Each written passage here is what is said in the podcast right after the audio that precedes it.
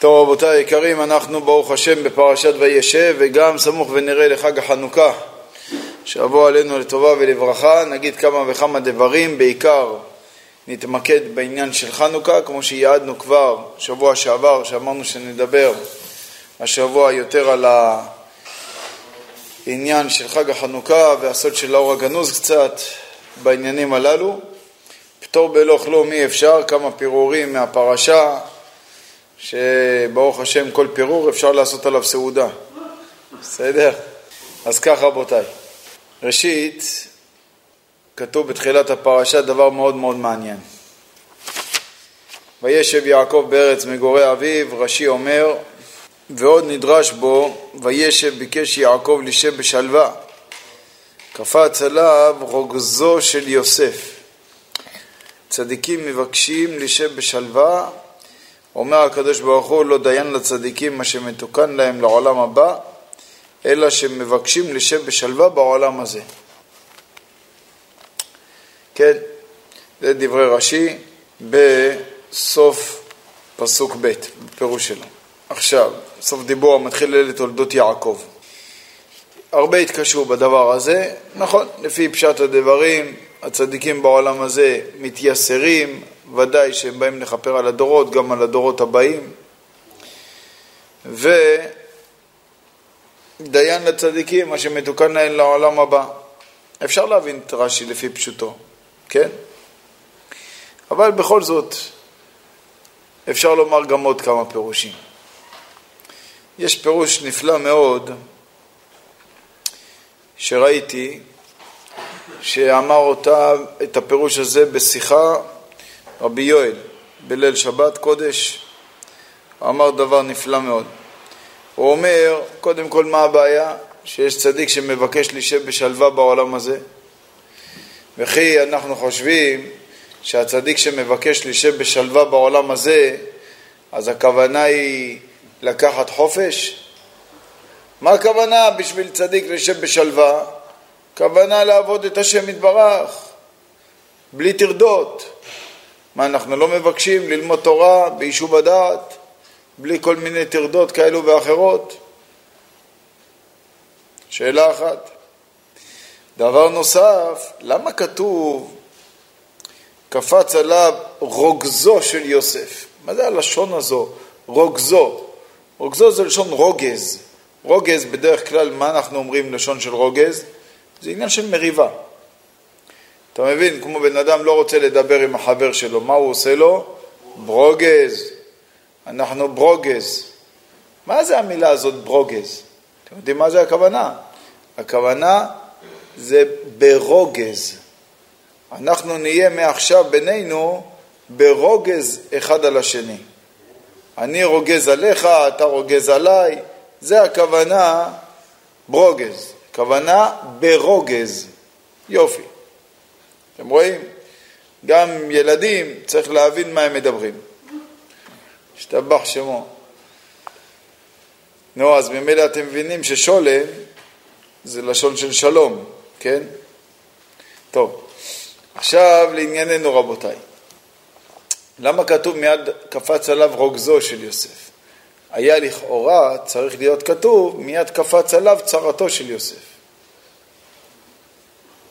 היה לו כמה וכמה צרות. אז עכשיו הצרה החדשה זה צרתו של יוסף. נכון, לפי הפשט הפשוט צריך לומר, מיד קפץ עליו רוגזו של יוסף, דהיינו הרוגז של יוסף שהיה לו עם האחים,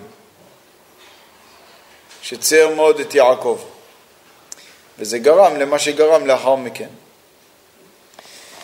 מכל מקום, רבותיי, אפשר להסביר פה דבר נפלא. אומר הרב, על פי אור החיים הקדוש, בפרשת ויחי. רבנו חיים בן עטר כותב בתחילת פרשת ויחי בהאי לישנא. אני מקריא לכם את הלשון שלו בפנים בשביל שיהיה מובן. ויחי יעקב בארץ מצרים שבע עשרה שנה וכולי.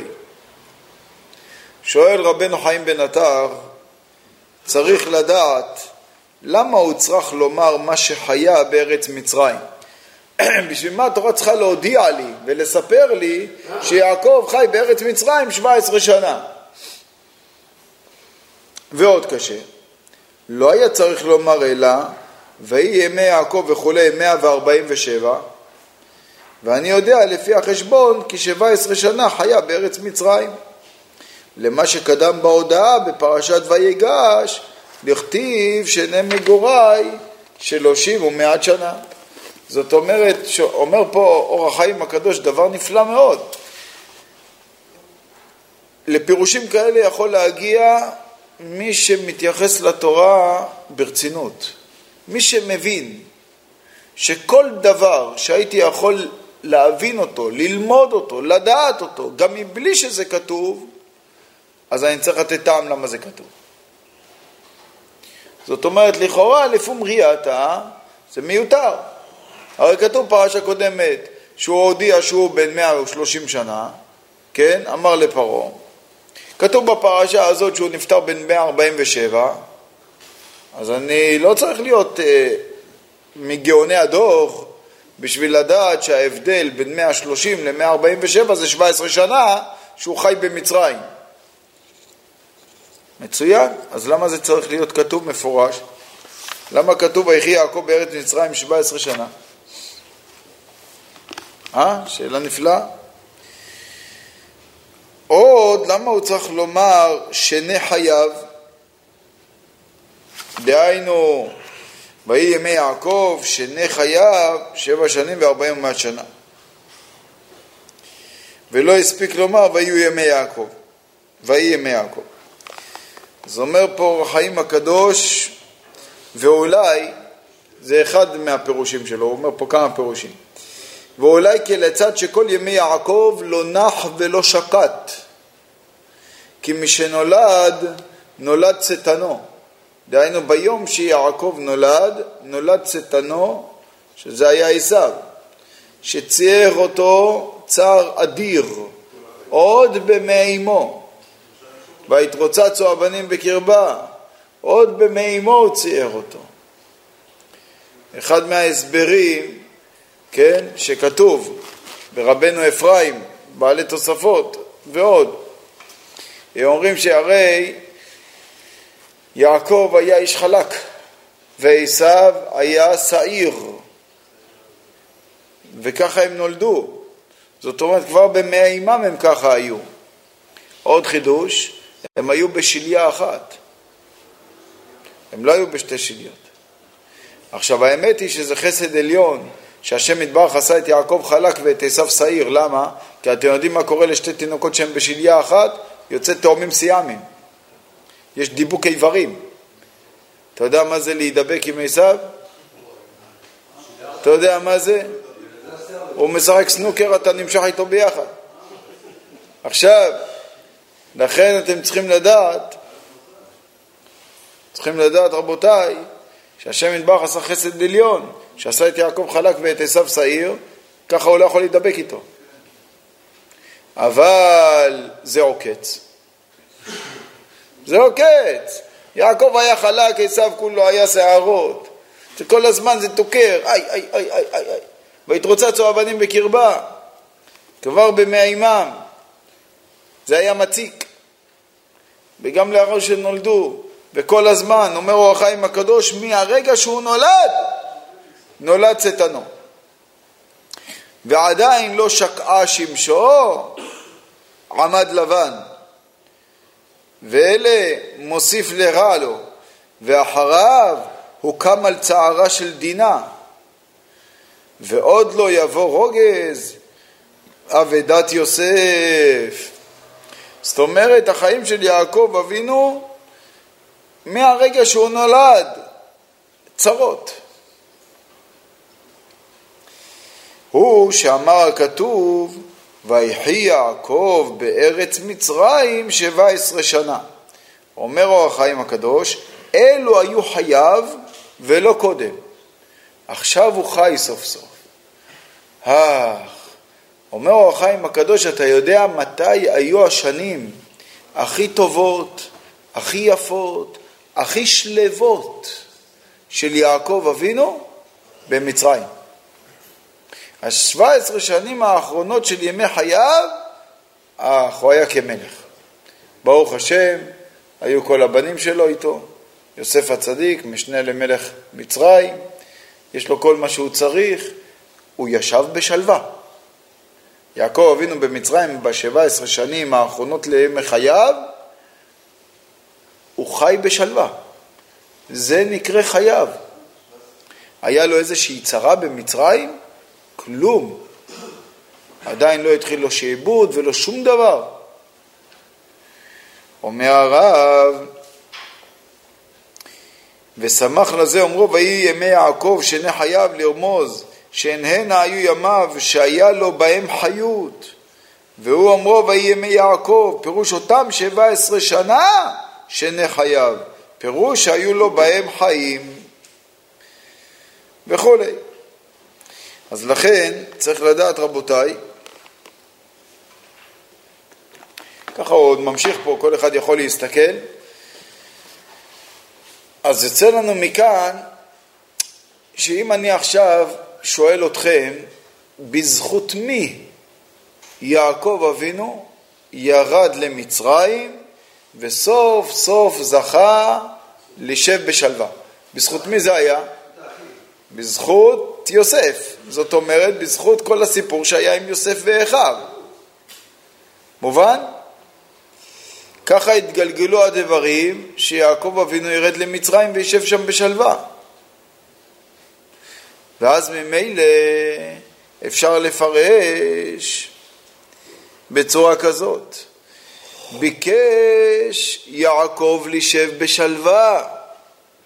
יעקב אבינו ביקש לשב בשלווה. ומכיוון שהוא ביקש לשב בשלווה, אז הקדוש ברוך הוא ענה לבקשתו ואמר לו בסדר, אני אתן לך לשבת בשלווה, אבל בשביל לשבת בשלווה צריך להתגלגל מה שצריך להתגלגל דרך יוסף ואחיו. ולכן כתוב, ביקש יעקב לשב בשלווה, קפץ עליו רוגזו של יוסף. למה קפץ עליו רוגזו של יוסף? בשביל שהוא יישב בשלווה. הבנתם? נפלא מאוד. איי, אז מה זה שכתוב בהמשך צדיקים מבקשים לשב בשלווה? אומר הקדוש ברוך הוא לא דיין לצדיקים מה שמתוקן להם לעולם הבא, אלא שמבקשים לשב בשלווה בעולם הזה. איך מסבירים את הסיפה? מסבירים דבר נפלא, שמכיוון שמעשה אבות, סימן לבנים וכולי, יעקב אבינו הרי היה צריך לרד למצרים בשלשלאות של ברזל. בשביל לקיים את גזירת השעבוד. ידוע תדע כי גר יהיה זרעך בארץ לא להם ועבדו ועינו אותם ארבע מאות שנה וכולי. היה צריך לרד, אומרים חז"ל בגמרא במסרת שבת, בשלשלאות של ברזל, דהיינו בתור שבוי. זה הכוונה. היה צריך לקרות פה איזשהו משהו שישבו את יעקב וכולי, יורידו אותו בשלשלאות של ברזל כמו, כמו שבוי. רק מה? יעקב אבינו, בגלל שהוא ביקש להישב בשלווה, אמר ריבונו של עולם, די, סבלתי מספיק, כל החיים, כבר 130 שנה, אני רק בצער. טוב, אפשר להגיד שזה היה לפני 130 שנה, נכון? הרי תורידו עוד 22 שנים, בין כמה יעקב אבינו היה באותו רגע? איך? 108, מת ויציב. הוא אומר, סבלתי מספיק וחולה, אני רוצה להישב בשלווה. אומר השם יתברך, אבל רגע, אבל יש את הגזרה של אברהם בברית בין הבתרים. לא, לא נעים לי לספר לך, יעקב, אבל אתה יודע, אתה צריך לרדת עוד מעט בשלשלאות של ברזל. זאת אומרת, יעקב אבינו היה אמור לסבול עד יומו האחרון. אם הוא היה יורד בשלשלאות של ברזל למצרים. הוא היה אמור לסבול עד יומו האחרון. אבל יעקב אבינו, בחיר האבות, מבקש לשב בשלווה. הקדוש ברוך הוא אומר, אני אענה לו לבקשתו. בעיקר שיעקב אבינו יודע שכל מה שקורה לו זה סימן לבנים מה שיקרה להם לעתיד לבוא. ולכן הוא חייב, אפילו אם זה לא בשבילו, הוא מוכן לסבול, אבל שהבנים שלי לא יסבלו, שהדורות הבאים יהיה להם לפחות קצת זמנים של נחמה. ולכן הוא ביקש לשב בשלווה. הקדוש ברוך הוא ענה לו לבקשה הזאת. ולכן קפץ עליו רוגזו של יוסף, דהיינו פתאום השם יתברך עשה את הרוגז של יוסף ואחיו, בשביל שיתגלגלו הדברים שהוא ירד בשלווה. וככה גם בדורות הבאים יהיה להם זמנים גם של רגיעות, של ניחא, שיהיה להם זמנים שגם יוכלו לשבת בשלווה. לכן, לפי הפירוש הזה, צריך לגרוס פה לא בלשון של תמיהה, אלא בלשון של ניחותא. דהיינו, לא לגרוס. אומר הקדוש ברוך הוא, לא דיין לצדיקים, מה שמתוקן להם לעולם הבא, אלא שמבקשים לשב בשלווה בעולם הזה? לא, לא לקרוא ככה. אלא לקרוא, אומר הקדוש ברוך הוא, לא דיין לצדיקים מה שמתוקן להם לעולם הבא, אלא שמבקשים לשב בשלווה בעולם הזה. ומכיוון שהם מבקשים לשב בשלווה בעולם הזה, ודאי שאני אתחשב בבקשתם. ודאי שאני אתחשב ברצונם. הראיה, סיוע לפירוש הזה, שאכן כך היה. אכן כך היה. יעקב היה צריך לרד בשל, בשלשלאות של ברזל, בסופו של דבר הוא ירד בכבוד מלכים. בזכות מה הוא ירד בכבוד מלכים? בזכות רוגזו של יוסף. אה? נפלא ביותר, נפלא ביותר. פירוש נוסף, כאשר ראובן רוצה להציל את יוסף מאחיו, אז כתוב, וישמע ראובן ויצילהו מידם, ויאמר לא נקנו נפש. ויאמר עליהם ראובן אל תשפכו דם, השליכו אותו אל הבור הזה אשר במדבר, ויד אל תשלחו בו, למען נציל אותו מידם, להשיבו אל אביו. טוב, ושומעים לראובן, האחים שומעים לראובן. כתוב במדרש רות רבה, אם ראובן היה יודע שהכתוב יכתוב עליו את הדברים הללו, היה לוקח את יוסף ומרים אותו על הכתפיים ומחזיר אותו לאביו על הכתפיים, היה מחזיר אותו. אם הוא היה יודע שכך יהיה כתוב בתורה, הוא לא היה מנסה למצוא איזושהי תחבולה איך להציל את יוסף. הוא היה בריש גלי לוקח את יוסף ומרכיב אותו על כתפיו ומחזיר אותו לאביו. רבותיי היקרים, מה, מה הפירוש של המדרש הזה?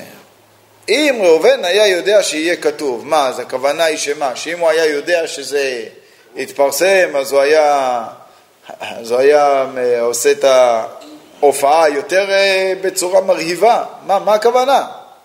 מה, הוא מחפש פה כבוד? מחפש פה שיהיה כתוב עליו יותר דברים, או שיטפחו לו על השכם? מה הפשט? איי איי איי איי איי איי איי איי איי איי איי זה גם שאלה, מה זה היה מתאמץ יותר?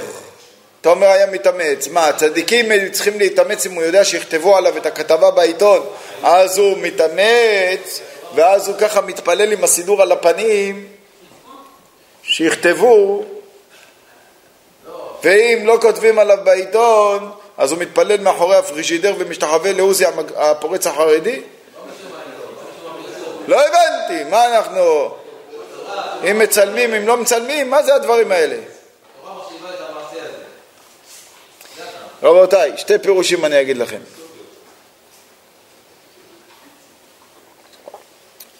פירוש אחד,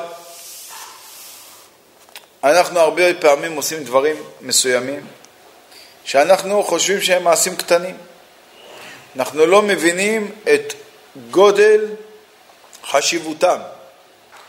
אם היינו מודעים לגודל החשיבות של המעשים שלנו, היינו עושים אותם הרבה יותר טוב. איך אני יודע אם המעשה שלי חשוב או לא? לפי איך שהתורה מחשיבה לי את המעשים. לפי מה שהקדוש ברוך הוא מחשיב את המעשים. אם ראובן היה יודע שהתורה תכתוב את זה, ויצילהו מידם וכולי, וואו, מה זה עד כדי כך חשוב שזה נכתב בתורה לדורות? לא העניין של הפרסום, העניין של החשיבות. אז הוא היה לוקח את יוסף ומרכיב אותו על הכתפיים להחזיר אותו לאבא. אותו דבר אצל בועז ורות, ויצבת לקלי וכולי. אם היה יודע כמה זה חשוב שהתורה תכתוב את זה, כי התורה לא כותבת דברים שהם לא חשובים, אז כתוב שהיה מאכילה ברבורים מבוסים, זאת אומרת היה מאכיל אותה בשר משובח, וזה אמת ויציב. רבותיי, אם בן אדם היה יודע מה החשיבות שלו בדור שלנו, שהוא לומד תורה, שהוא שומר על העיניים, שהוא שומר על הפה, שהוא זוכה להתפלל, זוכה לקיים מצוות, אם באדם יודע, היה יודע בדור שלנו כמה מעשה קטן חשוב בעולמות העליונים, הוא היה, הוא היה מתאמץ הרבה הרבה יותר במעשים שלו והיה משקיע הרבה יותר. אם באדם היה מתאר לעצמו עד כמה הוא חשוב ועד כמה המעשים שלו חשובים בעולמות העליונים, בעיקר בדורות האחרונים. כמו שרבנו הארי אמר למערכו בשאר הגלגולים. זה פירוש אחד, אמת ויציב, כותב את זה רב חיים שמואלביץ. ספר שיחות מוסר, כותב על זה ממש שיחה שלמה ויפהפייה. אבל יש פירוש נוסף.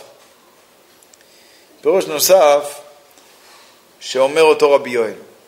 אומר הרב ככה, אצל הצדיקים האמיתיים זה בדיוק הפוך. הם מחפשים כמה שיותר להצניע את מעשיהם, והצנע לכת עם השם אלוהיך. כמה שיותר פחות פרסום, כמה שיותר צניעות, כמה שיותר דבר סמוי מן העין יש בו ברכה, נכון? עכשיו, ברגע שהצדיקים האמיתיים הם מחפשים שהמעשים שלהם יהיו נקיים לגמרי בלתי להשם לבד. ולכן הם מנסים כמה שיותר לכסות את מעשיהם. אז זה הסיבה שגם ראובן פה, הוא רצה להציל את יוסף. אז למה אתה אומר לזרוק אותו אל הבור? הוא רצה לכסות את העניין הזה, שהוא רוצה עכשיו להציל וכולי, שזה יהיה ככה בצורה מכוסה, שזה יהיה בדרך מסוימת שיוסף הצדיק ניצל. ופה אני כבר מלביש עוד פירוש נוסף, עוד פירוש נוסף, דבר נפלא מאוד, שראובן רצה שגם האחים יסכימו איתו. הרי לאיזה בור זרקו את יוסף? לבור מלא נחשים ועקרבים, כן? בור מלא נחשים ועקרבים, רבותיי, באדם שנופל לשם, אומרת הגמרא שהוא בחזקת מת. ראובן ידע שיוסף הצדיק הוא צדיק, והוא ידע שהוא ינצל. תבינו איזה מחשבה עמוקה הייתה פה לראובן. הוא, לא, הוא, הוא ידע, אם אני לוקח עכשיו את יוסף ואני מחזיר אותו לאבא, אני אומר לו, אל תשלחו בו יד, אני מחזיר אותו לאבא. בסדר, יכול להיות שהאחים לא היו מתנגדים לו, יכול להיות שהאחים היו מסכימים, בסדר, אתה ראובן, אתה הגדול, בסדר, תחזיר אותו לאבא, אנחנו חוזרים בנו, אבל הם עדיין היו ממשיכים לקנות ביוסף. זאת אומרת, אם ראובן היה מחזיר את יוסף לאבא, זה לא היה מבטל את הקנאה של האחים ביוסף, זה לא היה מרפא שום דבר. הם רק היו אומרים, נו, עוד הפעם ריחמנו עליו. ראובן רצה, ראובן רצה רבותיי לנסות לפתור את, ה... לפתור את הסכסוך הזה של האחים עם יוסף. הרי הם חושדים בו שהוא לא בסדר איתם. ראובן אמר, הנה בבקשה, בוא נשליך אותו אל הבור. גם המטרה שלו זה להציל, גם הוא מסתיר את המטרה שלו של ההצלה, זה נשאר רק בינו לבין בורא עולם, שאתה ריבונו של עולם יודע שאני מתכוון להציל אותו, בשביל זה אני אומר לזרוק אותו לבור. האחים לא יודעים שאני מתכוון להציל אותו. האחים חושבים שאני איתם. ואז זה נעשה מעשה שהוא נקי לשם שמיים, ואנחנו נזרוק את יוסף לבור. מה יקרה? ראובן יודע שיוסף הצדיק לא ייפגע.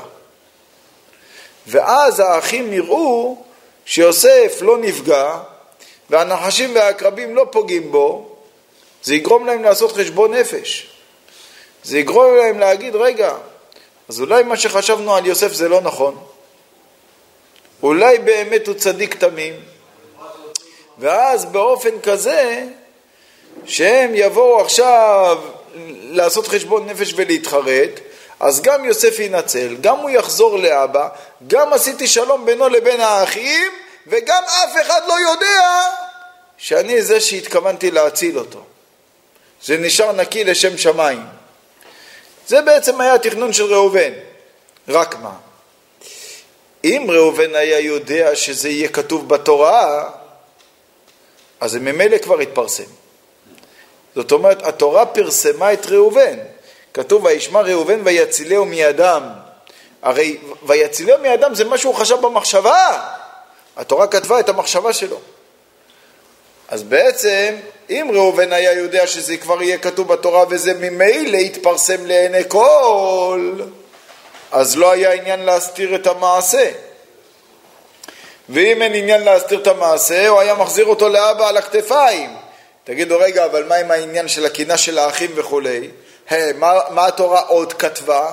שזה לא עזר. שאפילו שזרקו את יוסף לבור עם הנחשים והעקרבים זה לא עזר. האחים עדיין הוציאו את יוסף מהבור ומכרו אותו. הם ראו שהוא לא נפגע ומכרו אותו. לא עשו חשבון נפש בשלב הזה. אז אם ראובן היה יודע מה יהיה כתוב בתורה, שזה השתלשלות הדברים, אז קודם כל הוא לא היה מחפש עכשיו להצניע, כי ממילא זה יתפרסם. ב' התכנון שלו היה שהאחים יראו שיוסף לא נפגע, ואז הם יעשו חשבון נפש. אבל אם הוא היה יודע מה יהיה כתוב בתורה, אז הוא היה מבין שזה לא יעזור. אז אם זה לא יעזור, הוא היה באותו רגע לוקח את יוסף ומרכיב אותו על כתפיו ומחזיר אותו לאבא. וזה מיליון דולר, מה שאמרתי לכם עכשיו. והנה, יאיר בן אסנת, בלי עין הרע, אומר מינימום. ונאה דורש, נאה מקיים. ואני עדיין מחכה לכמה מיליונים בשיעורים הקודמים. אם אתה תביא בלוטו 20 מיליון, אתה תישאר בחוב של עוד שתיים. בסדר? איי איי איי איי איי איי איי איי איי איי איי איי איי איי טוב אתם רוצים עוד אחד או זהו? אה?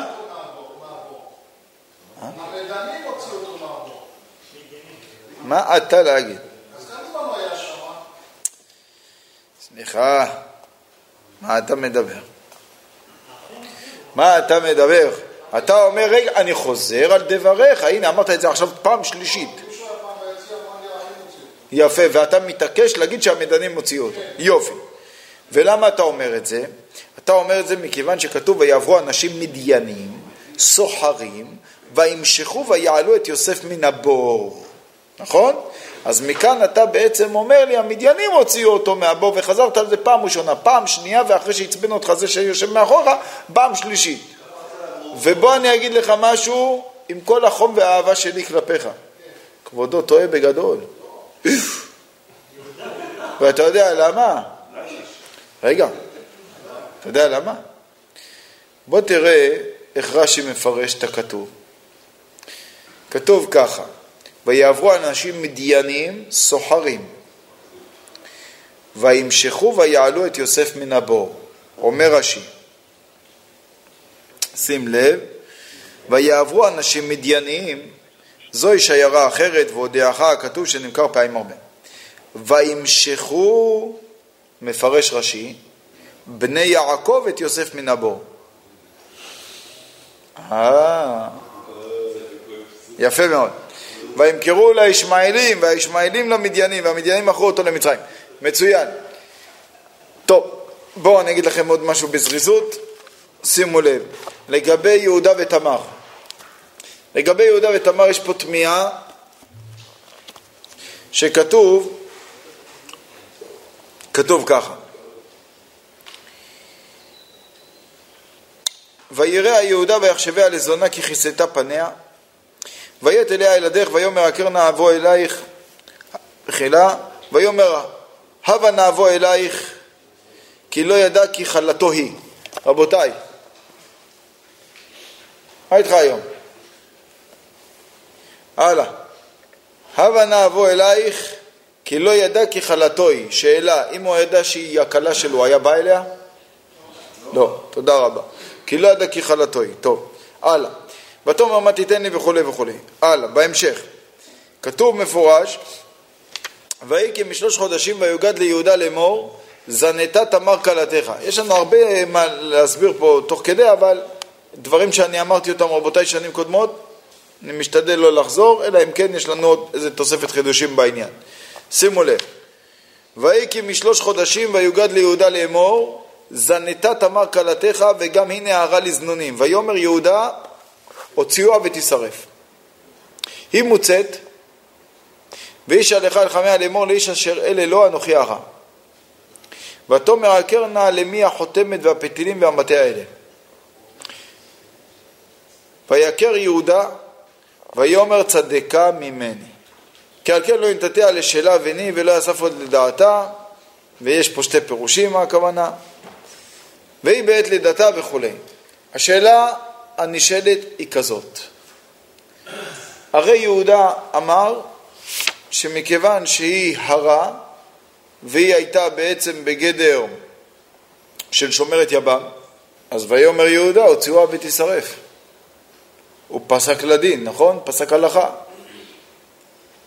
ואז כתוב, אם מוצאת, ואיש עליך אל חמיה לאמור לאיש אשר אלה לא אנוכי הרב, ותאמר הכר נא למי החותם והפתים והמטה עלה, והכר יהודה ויאמר צדיקה ממני. ואז הוא לא שורף אותה. לא הבנתי, לא הבנתי, לא הבנתי. אתה פסקת לך שהיא חייבת שרפה. טוב. מתי שהיא אומרת שזה אתה, אז אתה מבטל ממנה את הדין. למה? מה הקשר? מה הקשר? תגיד, אה, כי זה ממני, נו אז מה אם זה ממך? אם זה ממך זה לא עבירה? היא הייתה שומרת יבם של מי? של שלה, לא שלך. היא הכלה של יהודה. רבותיי, היא הכלה של יהודה. על פי ההלכה מותר לאבא, לאבא של מי שמת לייבם את כלתו? מה פתאום? או אז תבואו תתחילו לתרץ לי לפני מתן תורה, ואולי לפני מתן תורה קרוב קרוב קודם, אתם צודקים. יש מפרשים שאומרים כך. יש מפרשים שרוצים לומר שדין של ייבום לפני מתן תורה זה דין של אה, קרוב, של, אה, שכל, שיכול להתקיים בכל מיני קרובים. לא חייב להיות אה, כמו באחיו של הנפטר בדווקא. זה קצת דוחק, אם אנחנו מסבירים שהם שמעו את כל התורה עוד לפני שהיא ניתנה, זה קצת דוחק מכיוון שוודאי שהיא הייתה שומרת יבם והמתינה לשלה, שיגדל, והוא עדיין היה בחיים. איך? בטח שהוא יכול לשפוט אותה. או, שותף לעבירה, אז אין בעיה, זה יכול לבית דין אחר. מה, מה זה הדבר הזה שפתאום אה, היא נפטרת מהעונש? ואם כבר, אז גם שהוא יענש. אבל מה הקשר למקח טעות? לא הבנתי. היה פה מעשה. היה פה מעשה. אם היה פה עכשיו מעשה, והנה היא הרע, אז מה הקשר? עכשיו, עכשיו תראו איזה קושייה יפה. אם תגידו לי עכשיו, לפני מתן תורה, זה אפשרי. אה, אז אם זה אפשרי, למה היא צריכה להתחפש לזונה בשביל שהוא יבוא אליה? אם זה אפשרי, אז גם אם הוא ידע שהיא כלתו, הוא יהיה איתה. הרי מה כתוב פה? רגע אחד, כי לא ידע כי חלתו היא. אם הוא ידע שהיא חלתו, הוא לא היה בא אליה.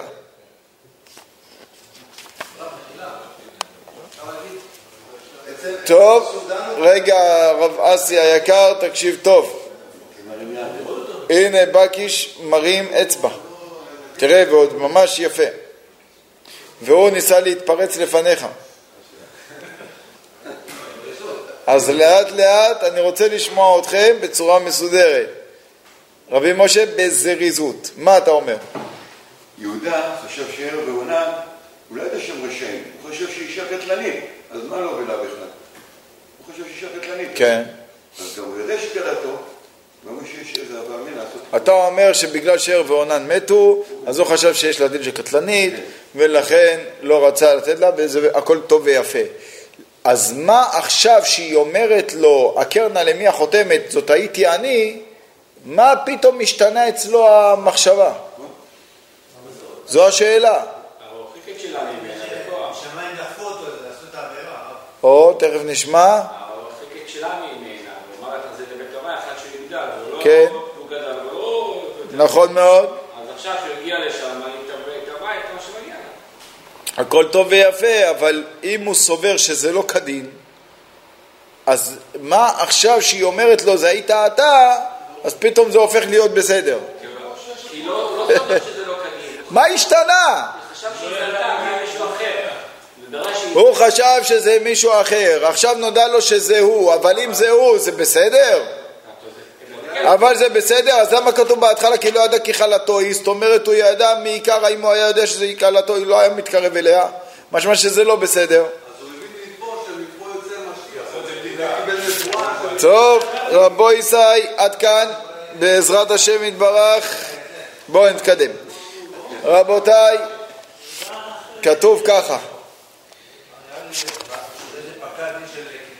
ויקר יהודה ויאמר צדקה ממני כי על, כל, כי על כן לא נתתיה לשלה בני ולא יסף עוד רש"י אומר יש אומרים לא הוסיף ויש אומרים לא פסק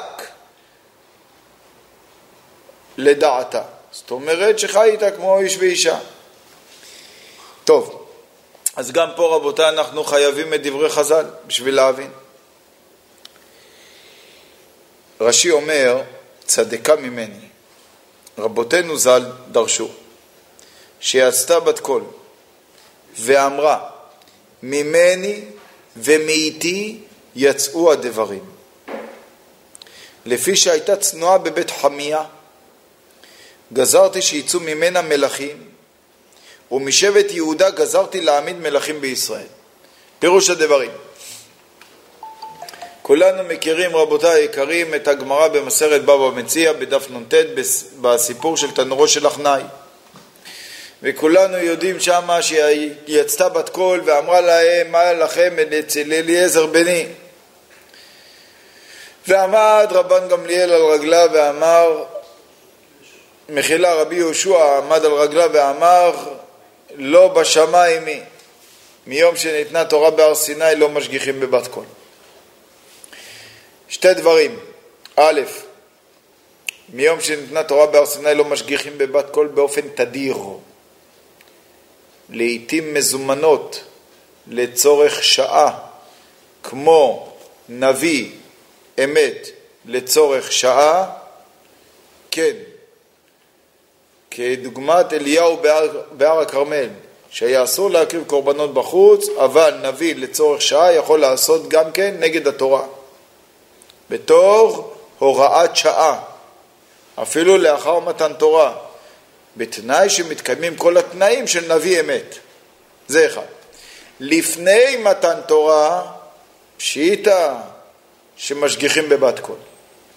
ברור שאם אתה שומע בת קול, אתה יכול לפסוק לפי הבת קול. צריך לדעת, רבותיי היקרים, מה שאני אומר לכם עכשיו זה פשט. ברגע שהיא אומרת ליהודה, הכר נא למי החותמת והפתילים. חז"ל הקדושים אומרים שהרי יהודה הלך בדרך והיה כמו מלאך שדחפו לכיוון שלה והוא שמע בת קול שאומרת מאיפה מלכים יוצאים? זאת אומרת, הוא ידע שהאישה הזאת, הוא לא יודע מי זאת, אבל הוא ידע שמהאישה הזאת צריכים לצאת מלכים, וזה על פי בת קול. ומכיוון שזה על פי בת קול, ודאי שהוא רשאי לפסוק לפי הבת קול הזאת ולעשות את המעשה. עכשיו, לאחר מכן סיפרו לו שתמר כלתו הרה. הוא לא ידע שזה ממנו. הוא לא ידע שאותה תמר שהרתה, היא הרתה על פי בת קול. אתה מבין? הוא לא ידע שהיא הרתה על פי בת קול. ולכן הוא חשב שזה מישהו אחר, הוציאוה ותשרף, כמו הדין. ברגע שהיא אומרת לו זה אתה, אה, אז אם זה אני, הקרן הנמי החוטא, אה, את זאת היית אישה שישבה שם, שאני עשיתי איתה את המעשה על פי בת קול? אה, אז אם זה היה על פי בת קול, ואת האישה הזאת שעשיתי איתה את המעשה, אז הכל משתנה פה לגמרי. מובן? זה בעצם ההלכה ולמעשה. ולכן רש"י אומר, צדקה ממני, רבותינו זיכרונם לברכה דרשו שהיא יצתה בת קול ואמרה ממני ומאיתי יצאו הדברים. שיהיה ברור, אם לא הייתה פה בת קול, אם לא הייתה פה בת קול, וכביכול, כן, סתם אני נותן אה, אחרי אלף מחילות, רק בשביל לסבר את האוזן, להמחיש את הדברים. אם לא הייתה פה בת קול, וסתם יהודה פתאום היה מתאווה להיות עם איזה אישה, כן? הוא והיא היו נענשים. וזה לא היה משנה שהיא הייתה אומרת לו זה אתה. נו, אז מה אם זה אני? ואם זה אני, אז עכשיו גם אני בקלחת. אז עכשיו גם אני אענש. לא רק את. את ממילא חייבת שרפה. עכשיו גם אני. אבל ברגע שהיה פה בת קול ואומר רש"י, ואמרה ממני ומאיתי יצאו הדברים, אז ממילא, אם זאת הייתה, אם זאת היית, כן, את היית זאת האישה שהבת קול דיברה אליה, ממילא איתך זה הייתה ההוראת שעה, ולכן בקעי גוונה, אז אין פה שום דבר, יש פה רק דברים טובים. ובעיקר לפני מתן תורה, שמכריעים על פי בת קול, על פי דינא דגמרא. רק השאלה למה זה היה צריך להיות בצורה כזאת, ופה נזקקים לדברי רבנו הארי, שרבנו הארי כותב שמכיוון שמדובר פה על מלכים משבט יהודה, דהיינו בסופו של דבר על מלך המשיח, אז אומר רבנו הארי שיש נשמות גדולות מאוד שהן עתידות להפוך את העולם, והסדרה אחרא נלחמת עליהם קשה מאוד, בשביל לא לשחרר אותם מהשבי, ובשביל לשחרר את הנשמות האלה מהשבי, צריך לעשות תחבולות. ואיך עושים לפעמים תחבולה בשביל לשחרר מישהו מהשבי? אתה מתחפש לפעמים לחלק מהשובים. אתה מתחפש, אתה מתחבר איתם, מתחיל ללמוד לדבר בערבית, ואתה עושה כל מיני דברים כאלו ואחרים, ובשביל להוציא משם את הניצוצי קדושה הללו. אומר הבן הארי, כך יש נשמות גדולות שיכולות לבוא לעולם רק במעשה שהוא נראה כלפי חוץ כעבירה.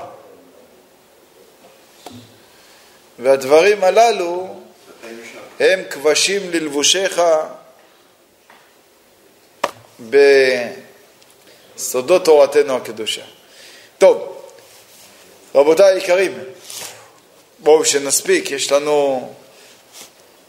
אני אגיד לכם כמה דברים בעזרת השם יתברך לגבי חנוכה. דיברנו כמה פעמים גם השבוע, איתכם עוד לא דיברתי את זה בארוכה, אבל דיברנו כבר כמה פעמים השבוע בנושא הזה של אור הגנוז. שהבני יששכר מביא בשם הרוקח, בסימן קכ"ד ברוקח, שבחנוכה מתגלה האור הגנוז, וידוע שבעל הרוקח כתוב כל דבריו דברי קבלה מפי אליהו הנביא זכור לטוב, וזה סוד גדול מאוד. סוד אדיר, שלכן בחנוכה, בנרות חנוכה מתגלה האור הגנוז בזעיר אנפין, רק למשך חצי שעה מרגע ההדלקה, וזה בשביל לחנך אותנו שחינוך זה מלשון הרגל, חנוך לנער, תרגיל את הנער על פי דרכו, ואז גם כי יזקין לא יסרו ממנה, ממנה, זאת אומרת חנוכה זה מלשון חינוך, ואנחנו צריכים להתרגל לעניין הזה של אור הגנוז בשביל שנזכה לאחר מכן לעתיד לבוא להיות באור הגנוז הנפלא הזה שהיא כבר יהיה בהתגליה ולא יהיה גנוז, אז שיהיה לנו בעצם הכנה לכך. אז צריך לדעת רבותיי היקרים, לפי מה שרש"י הקדוש כותב בתחילת ספר בראשית, שזה על פי הירושלמי במסכת ברכות ועל פי מדרש רבה, רש"י מסביר ככה: ביום הרביעי נבראו המאורות. בשביל מה? להבדיל בין היום ובין הלילה. רש"י אומר, נבראו המאורות בשביל להבדיל בין היום ובין הלילה, לא עכשיו, אחרי שיגנז האור הגנוז. פירוש הדברים, זה רש"י מפורש, על החומש.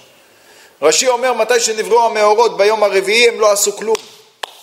למה? כי היה עדיין האור הגנוז משמש בעולם, ולכן זה כמו ללכת להדליק נר עכשיו בצהרי היום בחוץ, שאתה לא רואה בכלל את האור של הנר. וככה האור של השמש והאור של הירח לא היה ניכר כלל ועיקר. ככה רש"י מפורש, רבותיי, כותב, אני אראה לכם רגע את זה כתוב, שיהיה מובן, ויעש אלוהים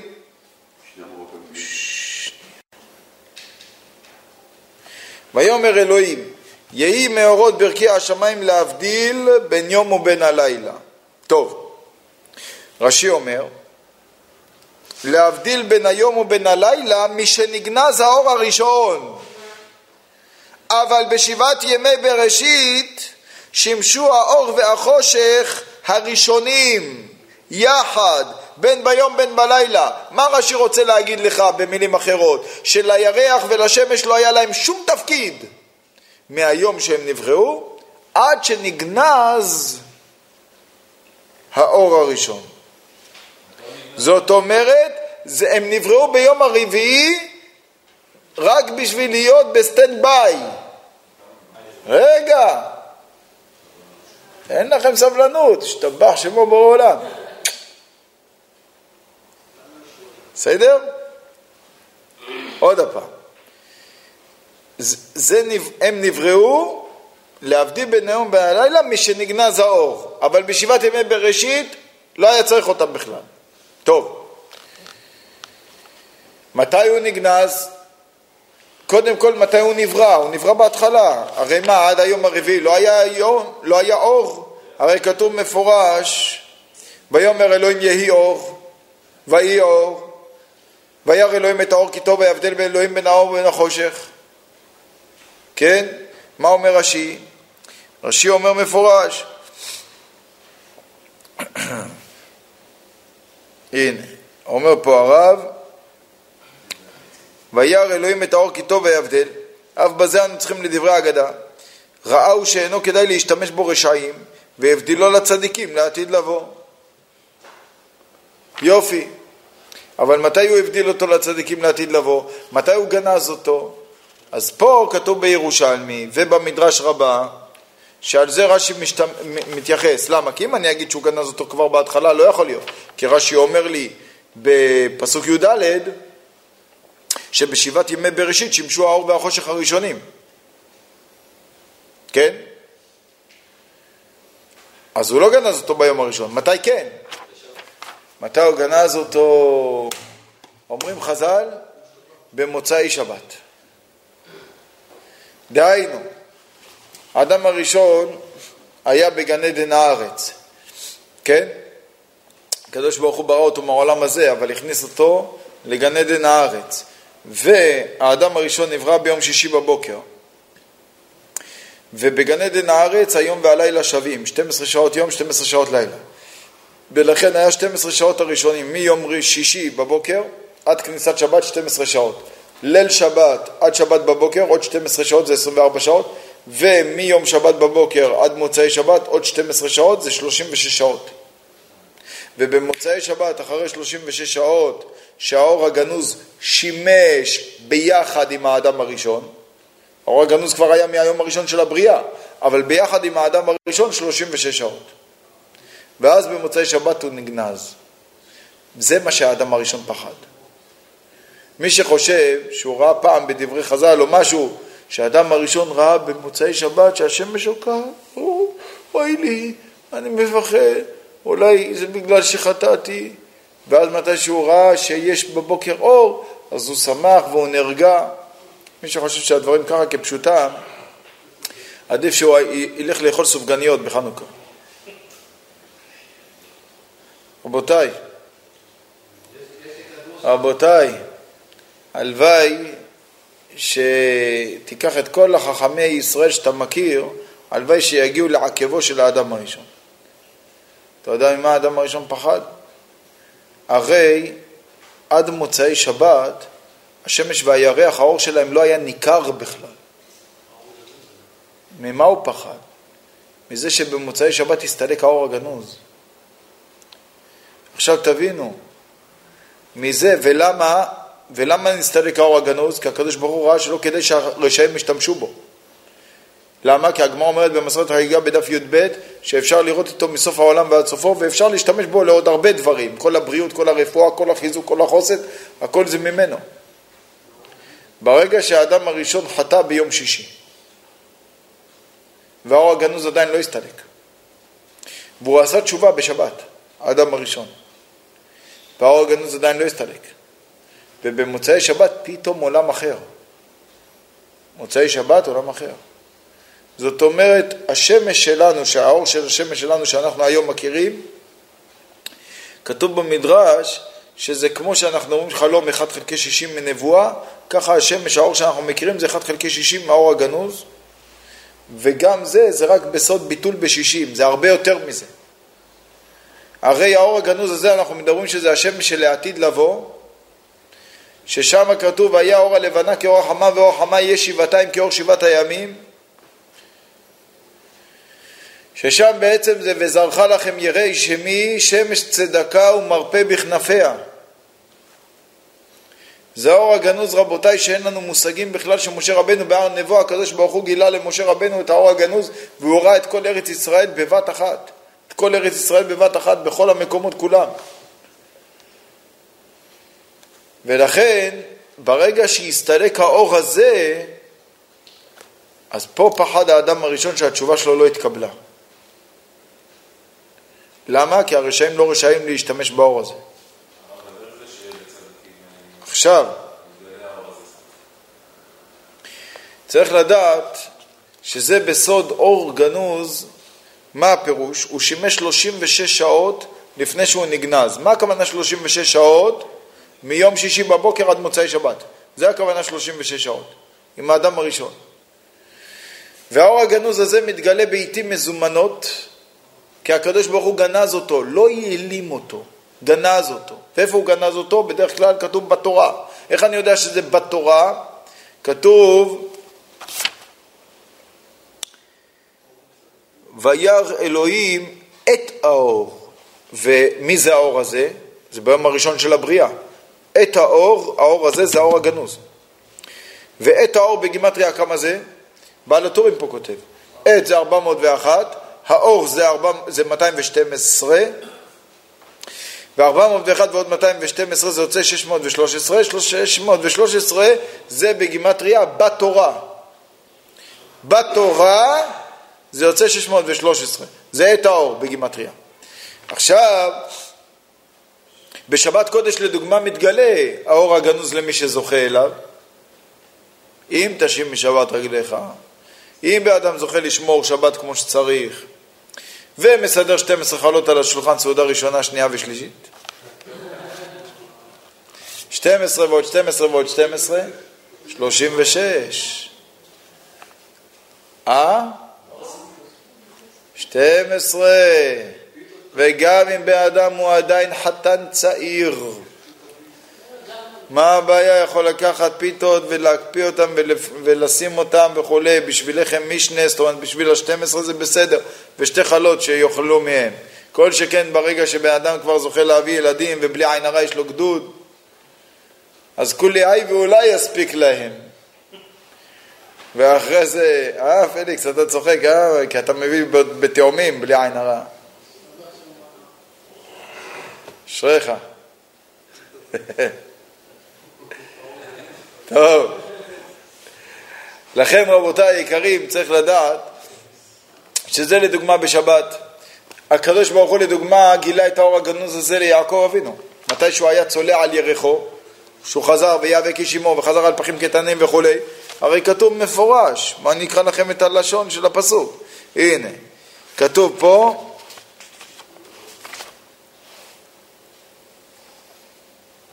ויזרח לו השמש. לו זה ל"ו, השמש, והוא צולע על ירחו. מה אומר רש"י? אומר רש"י, ויזרח לו השמש, ומדרש אגדה, ויזרח לו לצורכו לרפות את צליעתו. כמה דתימה, כמו שכתוב, שמש צדקה ומרפא בכנפיה. זאת אומרת, איפה זה כתוב שמש צדקה ומרפא בכנפיה? בנביא מלאכי. על מה זה נאמר? על השמש של העתיד לבוא. שהאור הגנוז יתגלה דרכה. ואז זה מרפא את כל המומים, את כל הצליעות, את כל הפציעות. הכל מכל כל. אז האור הגנוז הזה, רבותיי, הוא נמצא גם בתורה למי שעמל בתורה כמו שצריך. יכול לזכות לאור הגנוז הזה. והוא מתגלה גם בחנוכה. בחנוכה הוא מתגלה בנרות חנוכה, כך אומר בעל הרוקח. כן? והוא אומר מפורש שבנרות חנוכה, שאנחנו מדליקים, אנחנו מגיעים לל"ו נרות. איך לל"ו נרות? ביום הראשון מדליקים אחד, ביום השני שתיים זה שלוש, ביום השלישי שלוש זה שש, אחרי זה ארבע זה עשר, חמש זה חמש עשרה, שש זה עשרים ואחת, שבע זה עשרים ושמונה, שמונה זה שלושים ושש. ל"ו נרות. מובן? עכשיו, יוצא לנו מכאן שבזמן שמתגלה האור הגנוז הזה, קודם כל כתוב מפורש שהאדם שמסתכל על הנרות חנוכה, ראיתי שמובא שזה מתקן פגם הראייה. מה שבאדם מסתכל במראות אסורות, מסתכל בנרות חנוכה, בעיקר בחצי שעה הראשונה מרגע ההדלקה. גם מדליק בזמן, מקפיד להדליק בזמן. גם ישיר שירי חנוכה, זמירות, ליד הנרות, עם המשפחה ביחד, יתפלל, ילמד תורה ליד הנרות.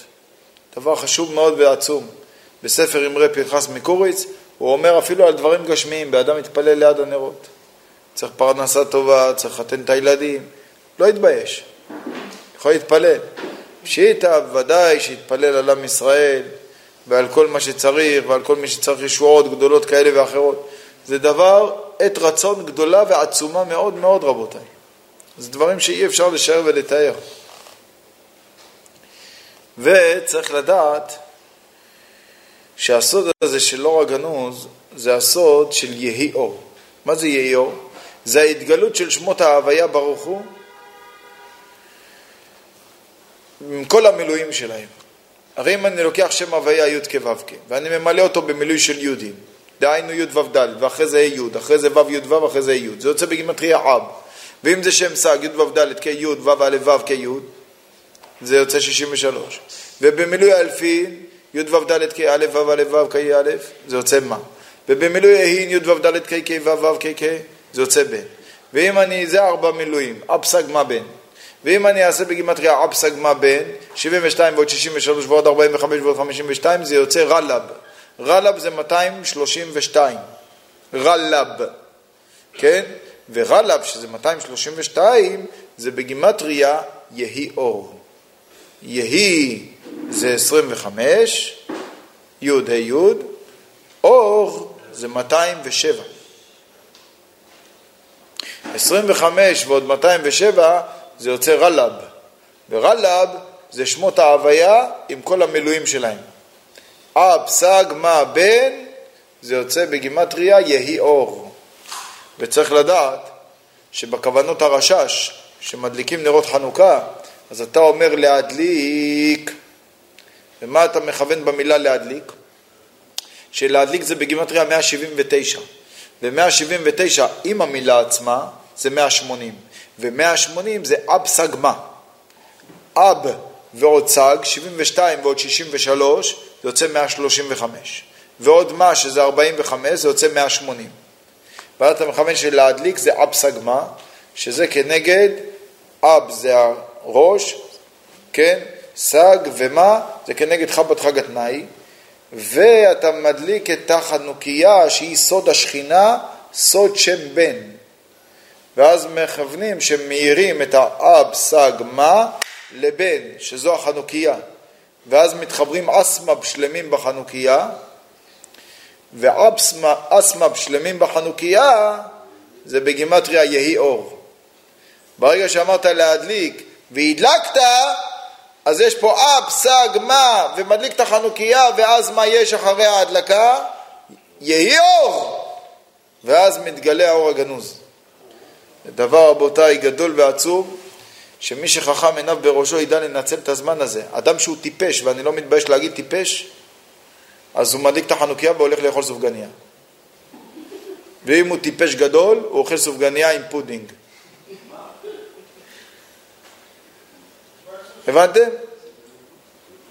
עכשיו, אדם שחכם עיניו בראשו יודע לנצל רבותיי את הזמנים הללו, בן אדם לא יודע כמה ישועות, כמה דברים שיכולים להיות לו מניעות ועיכובים וכולי כאלה ואחרים שיותר ממה שהעגל רוצה לנהג, פרה רוצה להעניק, רק תבקש, רק תדע לנצל את הזמן הנכון. איי איי איי איי איי איי איי איי איי בגלל זה רבותיי חג החנוכה הוא חל בחודש כסלו. שכסלו זה אותיות כסלו. פירוש. אומרים בחוץ כסלו זה כיס ללב. יופי. שתי קושיות יש לי על זה. א' לא רגע א', לא כתוב, לא כתוב כיס, כתוב כס. א', ב', לא כתוב לב, כתוב לו, ל"ו. אז בואו נדרוש כמו שכתוב, לא כיס לב, כתוב כס לא, בסדר? כס לא. או, יפה מאוד. כס זה מלשון כיסוי. זה המילה כס, כיסוי. וזה הכיסוי למה? ללא, לל"ו שעות שהאור הגנוז שימש עם האדם הראשון שתמיד אנחנו מונים את זה בתור הל"ו וזה הכס של הל"ו ועכשיו בחודש כסלו שם האור הגנוז מתגלה בנרות חנוכה חצי שעה מרגע ההדלקה מובן? ולכן צריך, רבותיי יקרים, באמת לדעת לנצל את הדברים הנפלאים הללו וברוך השם נצח ישראל לא ישקר. והנה אף על פי שמנסים להחשיך ולעשות ויוון זה נקרא חושך על פני תהום וחשיכה אבל תדעו לכם שדווקא פה מתגלה האור הגנוז הזה למה כעם ישראל נמשלו לשמן זית זך כתית, למאור. דהיינו, אתה לוקח את הזית, אתה קוטט אותו, שובר אותו, מקטש אותו וכולי וכולי. אתה חושב גמרת עליו. הנה עם ישראל זית רענן, אתה חושב גמרת עליהם. שברת אותם, קטטת אותם, ריצצת אותם. אתה חושב גמרת על עם ישראל.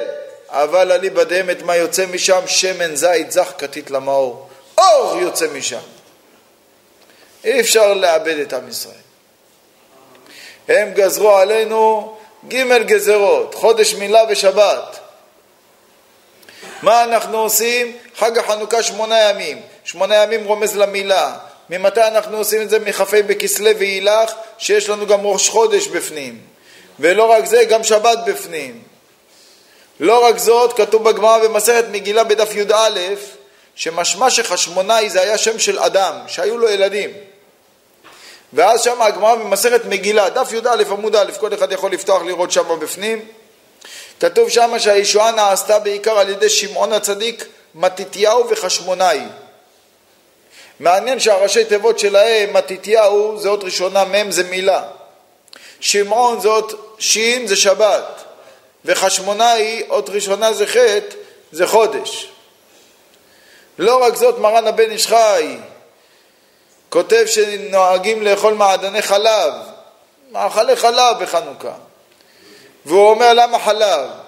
הוא אומר שהחטא של החלב זה האות הראשונה של חודש. הבית של החלב זה האות השנייה של שבת. הלמד של חלב זה האות השלישית של מילה. אות ראשונה, אות שנייה ואות שלישית. מובן? לא רק זאת, ראיתי פעם שאומרים למה אוכלים סופגניה. זה אמרתי לכם כבר פעם. למה? מכיוון שהסופגניה מתקנים אותה בשמן, זה רומז לשמן של נרות שבת. מפזרים עליה אבקת סוכר, זה נראה כמו הלבנה. ושמים שם ריבה אדומה, זה הדם של הברית מילה. אתה מבין? ואלה שאוכלים עם פודינג זה הברית אחרי ששמים את האבקות וכו'. מה קרה לך אתה?